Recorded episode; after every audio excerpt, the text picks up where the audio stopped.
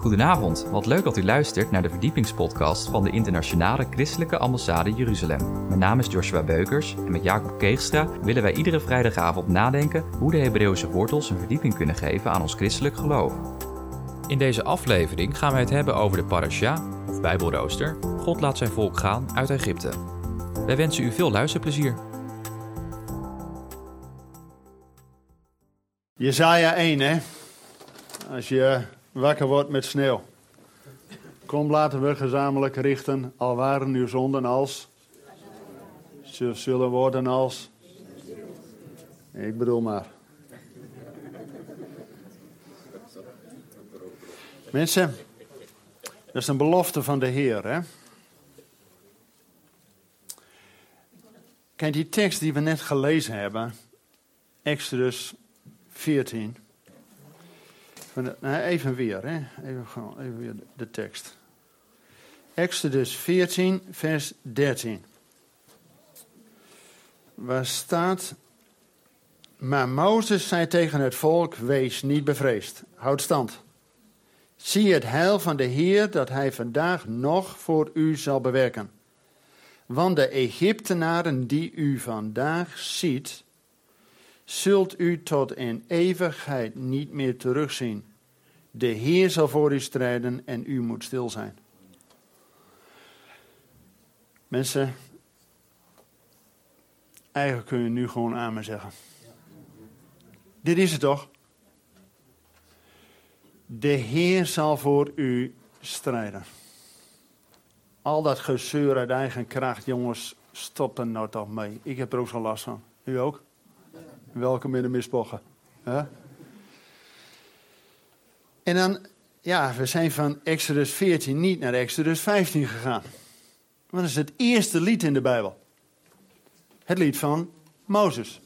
En daar staat, de Heer is mijn sterkte en mijn psalm.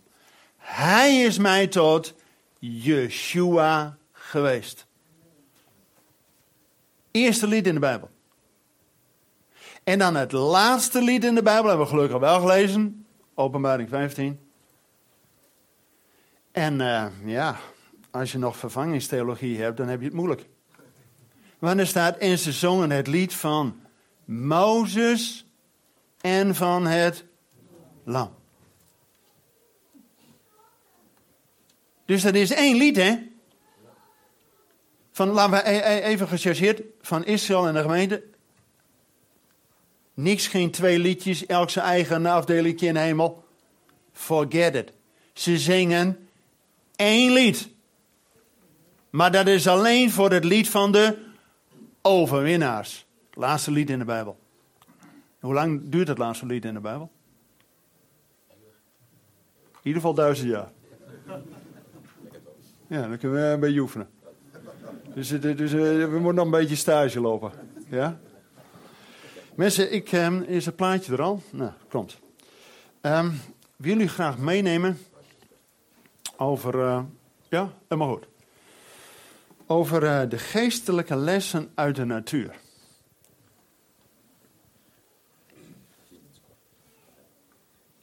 En dat heeft alles te maken met wat we net gelezen hebben. Want bij de uittocht belooft God zijn volk te zegenen. Met drie zaken. Leest u met mij mee in Deuteronomium 11, vers 14. En die wordt nog twee keer herhaald in Hosea en in Joel, dus het profetische deel. Maar goed, één tekst. Ik hou van één tekst, staat alles in. De Heer zal zijn volk zegenen met drie dingen. Bij de uittocht. En nu net hè, we gelezen, het gedeelte van de uittocht. Maar wacht even. We hebben gelezen. Kijk nou eens even goed naar die Egyptenaren die u vandaag ziet. Die zult u nooit weer zien. Dus kijk nou even goed naar deze ruimte. Volgende week zien we elders. En de Heer zal voor u strijden. Ik denk dat dat een woord van de Heer is. Voorwaarden, jongens, de Heer zal voor u strijden. Maar kijk, ook als Mozes op een gegeven moment sterft, en dan Josia in de bediening geplaatst wordt, dan staat er dat God zegt tegen Josia, Mozes nu, mijn knecht, is dood. Nou, eh, als iemand dat wist, was dat Josia. Maar weet u waarom God dat zegt? Omdat we soms eerst eens even een punt moeten zetten. Ook die Egyptenaren die u ziet, weet ik het wat u allemaal meemaakt om vanuit, weet ik welke traditie u komt, om hier te komen. Soms moet je eerst een punt zetten. Anders ben je niet vrij om het beloofde land in te gaan. God wil ons nog heel veel groen gras geven. Alleen we moeten vaak eerst een punt zetten. Weet u waarom die farao moest sterven? U kent de vier bekers van de zedemaaltijd? Van uitleiding, van bevrijding, van verlossing en van aanneming. Enig idee waarom dat een, een proces is? Uitleiding, zoals Israël, uit Egypte. Amen. Maar ze nog slaven? Gewoon gevluchte slaven. Maar als dan die farao sterft, zijn de slaven rechtens vrij. Dat is bevrijding. Amen. En dan pas, als je uit Egypte bent en verlost bent van die farao, dan zit Egypte nog in jou. Dan moet je daar nog van verlost worden. Dat is die derde beker die in de avondmaal centraal staat, beker der verlossing. En dan pas ben je gereed om aangenomen te worden tot kinderen van de Heer. Ja toch? Mensen, in het geloof zit er een proces. En dat begint vandaag met, jongens kijk eens even om me heen, die Egyptenaren. Sloes ermee. Dus ik weet niet wat u allemaal moet, moet afsluiten. Mensen, kijk het in het gezicht, face to face. Geen Facebook, maar face to face. God komt ook face to face? Naar ons. Hij zendt er geen e-mailtje. Hij komt face to face. Mensen, kijk alles wat je moet achterlaten recht in het gezicht en sloes ermee. Breken. En dan pas kun je het lied van de overwinning zingen wanneer Heer u bevrijd heeft. Want dat zingen ze aan de overkant van de Schelzee. Ja, niet in de midden, hè, als er nog midden in zit. Nee, als ze aan de overkant zijn. Dan zijn ze bevrijd. Dan zingen ze het eerste lied van de verlosten. Lied van Mozes. Oké. En dan gaat God zijn volk zegenen met drie zaken. U hebt inmiddels Deuteronomium 11, vers 14. God zal zijn volk zegenen met drie dingen. Dan zijn ze er nog lang niet, hè? Duurt nou bijna nog 40 jaar voordat ze die volgende barrière met de Jordaan. Maar God geeft hun visie. En wat is de visie? God geeft een visie van: ik zal u zegenen, heel eenvoudig, met koren, met wijn en met olie. En dan denk je, ja, leuk. Mensen, God geeft ons allemaal dingen uit de natuur, maar met een geestelijke diepgang. Jezus kwam iedere keer om te spreken over het koninkrijk der hemelen. Dat was zijn roeping. Begon al met eh, Johannes de Doper. En Jezus ook in het verlengde van het koninkrijk der hemelen. Maar het staat iedere keer dat Jezus zegt: Het koninkrijk der hemelen is als. En dan gaat hij heel down to earth met gelijkenissen ons iets uitleggen. Want het koninkrijk der hemelen, hallo, niemand heeft God ooit gezien, hè? Hoe kun je daar een voorstelling van maken? Dus God en ook Jezus gaat er heel concreet in zichtbare, tastbare dingen voor ons duidelijk maken. Zodat het gewoon geen woord van ons bij is. Dus God gaat ons geven in het natuurlijke de zegen met de koren, met de wijn en de olie. En we zien in de Bijbel daarin heel veel geestelijke principes.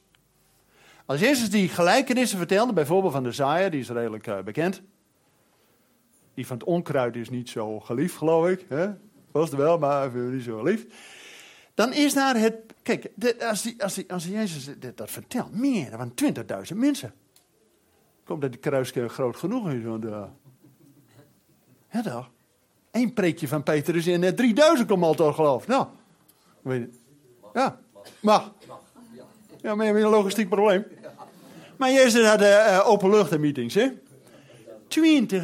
20.000 mensen. Ja, en die voeders ook nog. Dus als er 4000 en een keer 5000 mannen, nou dan zijn we toch zeker 20.000 mensen. Ja, dan, ben je ooit op die, uh, bij het meer van Galilea geweest, op die, aan de noordkant, er is zo'n zo'n zo'n uh, uh, heuvel, dat wil zeggen, zo'n helling, en die is 8 graden. En hebben mensen met audioapparatuur wel eens metingen gedaan. Als je namelijk in een bootje op het meer van Tiberias bent, zo 100 meter uit de kust, heb je geen klankkast nodig, maar gaat het water dat reflecteren. En die hellingshoek van 8 graden daar, aan de noordkant van de Tiberias, is precies goed genoeg dat er een schade van 20.000 mensen kunnen Jezus horen zonder versterker. Kijk. Is geweldig? Geweldig. Ja, hij wist waar hij wezen moest. Nou wij nog. Nou wij nog. Maar Jezus vertelde dus gelijkenissen over het koninkrijk der hemelen, maar met een hele praktische iets wat ze allemaal kennen. Probleem voor ons is, ja, koren, wijn en olie. Melk komt tegenwoordig uh, uit een pakje en uh, uit de supermarkt. Dus wat weten wij van de natuur? Ja, toch? Dat is best lastig. Nou, koren, wijn en olie. De geestelijke betekenis daarvan. U raadt het natuurlijk allemaal. Koren, brood is brood voor het hart. Maar laten we eerst eens kijken naar dat graan. Waar dan uiteindelijk dat brood van komt. U kent ongetwijfeld de geestelijke principe in de Bijbel van zaaien en oogsten. Weet u dat God een herenboer is? Dat, het gaat God om de oogst. En weet u, het gaat God om de grote oogst. De grote inzameling van de volkeren. En wat staat er in Matthäus 13, vers 38 en 39? Dat de inzameling van de oogst is het einde der wereld. Zo. Dus zodra de volkerenzee geoogst wordt, is het ook eindoefening. Dan komt er iets nieuws. Dus het gaat God om de oogst. God heeft visie. Nou wij nog. Maar God leert ons door de processen van de natuur, maar met een geestelijke diepgang, verder kijken dan je neus lang is. Nou, koren, om graan te krijgen, komt van gerst en tarwe. Hoofdzakelijk. Dat wordt in het Midden-Oosten geoogst tussen Pasen en Pinkster. Dus Pesach en Shavuot. Niet voor niks dat Rut en Naomi gaan terug naar Bethlehem, Bethlehem, huis van brood, wanneer? Met Pesach. Dan is er weer brood. En dan is ze zeven weken uh, aan het uh, nalezen bij het veld van Boas. En met Pinksteren trouwen ze. Ja. Happy end. Ja, maar moet je eens kijken. Dat er een ongeloof, nee, nee, niet ongelovige, maar een heidense die wel tot geloof komt. Want haar beleidenis is, moet je eens kijken, wat is de beleidenis van Rut? Dat weet u allemaal, hè? Nou, nou even in koor.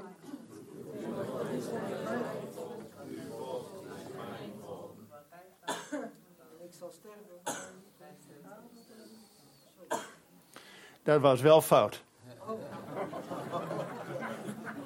Ja, dat is natuurlijk niet didactisch voor mij. Hè. Ik moest zeggen, nou, je bent leuk bezig en uh, komt wel eens goed. Oké. Haar beleidenis is eerst uw volk is mijn volk. En dan pas uw God is mijn God. Kijk, wat is het probleem bij de meeste christenen? We willen nog wel geloven in God, maar we willen niks met Israël te maken hebben. Maar Jezus zegt, als je nou komt in het heiligdom en je wilt offeren, goed, intentie toch? Maar je herinnert je dat het niet kosher is tussen jou en je naaste. Stop dan even. Maak het eerst goed in het horizontale vlak. Dan pas is de weg vrij voor de verticale relatie. En daarom is de beleidenis van Rut. Eerst het horizontale is een voorwaarde voor het verticale. Weet u wat de, wat de kern van de Torah is? U kent de Torah, die vijf boeken, hè? Ja, Genesis. Dat lukt wel, hè? Wat staat in het centrum? Leviticus 19, vers 18b. Waar staat dat? Heb uw naaste lief als uzelf, want ik ben de Heer. Mensen, als het in het horizontale tussen je broeder en zuster niet goed is, stop ermee. Oké. Dus het natuurlijke is zelfs een voorwaarde voor het geestelijke. Als God ook in het Nieuwe Testament, zegt over oudsten en voorgangers en al die dingen, dan is het allemaal, ze moeten eerst in het natuurlijke wel beproefd zijn. Goed bekend staan, één vrouw, al die dingen meer. Dan pas mag je in het geestelijke ook iets doen. Maar sommigen willen allemaal oh, in het geestelijke van alles. En er is een zootje bij hun thuis. Ben je geen getuige. Ja, heel simpel. Dus het natuurlijke is stage lopen voor het geestelijke. Nou, koren, wijn en olie. Koren wordt geoost in het Midden-Oosten tussen Pasen en Pinkster. Als een landbouwer nou en die, gaat het erom dat hij graven bouwt. Ja dan, daar verdient hij ook weer zijn brood mee. Echt letterlijk. Als hij nou, en in Nederland, we hebben maar één oogst, hè, in september, zeg maar, eind van het jaar. Als een boer, in Nederland of Midden-Oosten, als je nou visie heeft van jongens, we gaan graven bouwen, koren. Wat doet hij dan? Gaat op zijn veld, gaat dat graan uitstrooien zaaien. Dan weet je één ding zeker. En dat is, hij is het kwijt. Ja, mensen, mensen, wij vergeten dat vaak. Wij willen altijd denken, oh, vrucht hebben. Forget it. Die boer heeft visie. Maar hij strooit dat zaad uit. Tegenwoordig met machines, allemaal best. Maar hij is het kwijt. En dan hoopt hij ook nog één ding, dat het afsterft. Nou, dan weet je één ding zeker. Hij is het helemaal kwijt. Met andere woorden, hij kan dus niet aan het eind van het seizoen. Nou ja, ja, er is niks goed. Nou, laat ik die graankorreltjes die ik hoorde, maar, maar een beetje weer uit sorteren. Heb ik in ieder geval een klein, eh, klein broodje. Forget it. Mensen, hij heeft visie. Hij strooit het uit. En die hoopt maar één ding dat het afsterft. En dan gebeurt er buiten en om een wonder dat in zo'n klein graankorreltje, dat heeft, dat God iets nieuws laat ontkiemen. Mensen, dit is iedere keer een wonder. Dat wanneer wij meewerken in het plan van de Heer, zaad strooien, maar het moet afsterven. En dan pas gaat het groeien. En het gekke is, dat principe van zaaien en oosten komt iedere keer in de Bijbel. Dat is zo'n belangrijk iets. Notabene Jezus moest ook zelf als het hemelse manna ook sterven, begraven worden. Maar we hebben gelukkig ook gelezen. Gij laat mijn ziel niet in de dodenrijk achter. Hij laat opstanding. Mensen, en dan zelfs die opstanding, dat, dat proces van groeien. Hè, want Paulus uh, uh, uh, plant, zaait, Apollos begiet, maar God geeft de wasdom. Maar in dat proces naar groei is er nog steeds een proces. Er staat in Marcus 4, vers 28 dat, dat wanneer dat gaat ontkiemen, dan heb je niet direct vrucht. We willen allemaal huppatee snel thuis, hè? Zeker in de jeugd, hè? Twee stappen, hè? weet ik wat. Forget it. Het is bij de Heer een proces. Wanneer het koren eerst gezaaid wordt, dan moet het eerst afsterven. Vinden wij niet leuk. En dan, wanneer het gaat ontkiemen, heb je nog drie fases. De Bijbel zegt in Marcus 4, vers 28: eerst de halm, dan de aar en dan de volle koren in de aar. Dus het is het geloofsproces van een halm, aar, koren in de aar. En God heeft visie, en niet voor 30 fout, niet voor 60 fout, maar voor 100 fout. Weet u, er staat in de Bijbel maar één keer dat er honderdvoudig vrucht is. Weet u bij wie dat het was? Ah, jullie weten het immers. In het tijdperk van Isaac. Toen Isaac uitging om te zaaien, was het dat jaar honderdvoudig vrucht. Je eens kijken wat profetisch dat er is. God is de God van Abraham, Isaac en Jacob. Abraham is de vadertype. Hij ging naar het land. Hij ging uh, uh, putten uh, slaan. Hij ging een vrouw voor zijn zoon halen. Ging zelfs de bruidschat voor de vrouw van zijn zoon halen. Die zoon deed niets. Jezus deed ook niets, tenzij hij het zijn vader zagen doen. Maar net zoals Isaac, die moest ook hè, bijna geofferd worden. Jezus moest helemaal er doorheen. In het tijdperk van Isaac was er honderdvoudig vrucht. Wanneer Jezus terugkomt, jongen, dan gaan we niet voor de 30%. Niet voor de 60, gaan we voor de 100. Ja toch? Oké. Misschien hoe de Bijbel iedere keer profetisch is. Nou, dus dat proces is afsterven. God geeft het wonder van groei. En dan nog een proces van halm, van uh, aar, van volle koren in de aar. En als het dan rijp wordt, dan is het tijd om te oogsten. Weet u waarom in Israël koren, zeg maar na het loofhuttenfeest, dan gaat het weer regenen. Dan gaan ze ook weer het land inzaaien, de winterperiode. En dan in het voorjaar, vanaf Pesach, dan gaan ze het oogsten. Weet u waarom koren, dus het graan, gerst en tafel, dat dat in Israël in de zeg maar, winterperiode groeit? Bedankt voor het luisteren naar deze verdiepingspodcast van de ICEJ. Waardeert u onze podcast? Steun ons dan met een donatie, abonneer u of deel deze podcast met uw vrienden of familie. Ga naar www.icej.nl. Volgende week gaan wij het hebben over Jethro, de parasha over Mozes' schoonvader, een priester in Midjan. Hartelijk bedankt voor het luisteren en tot volgende week.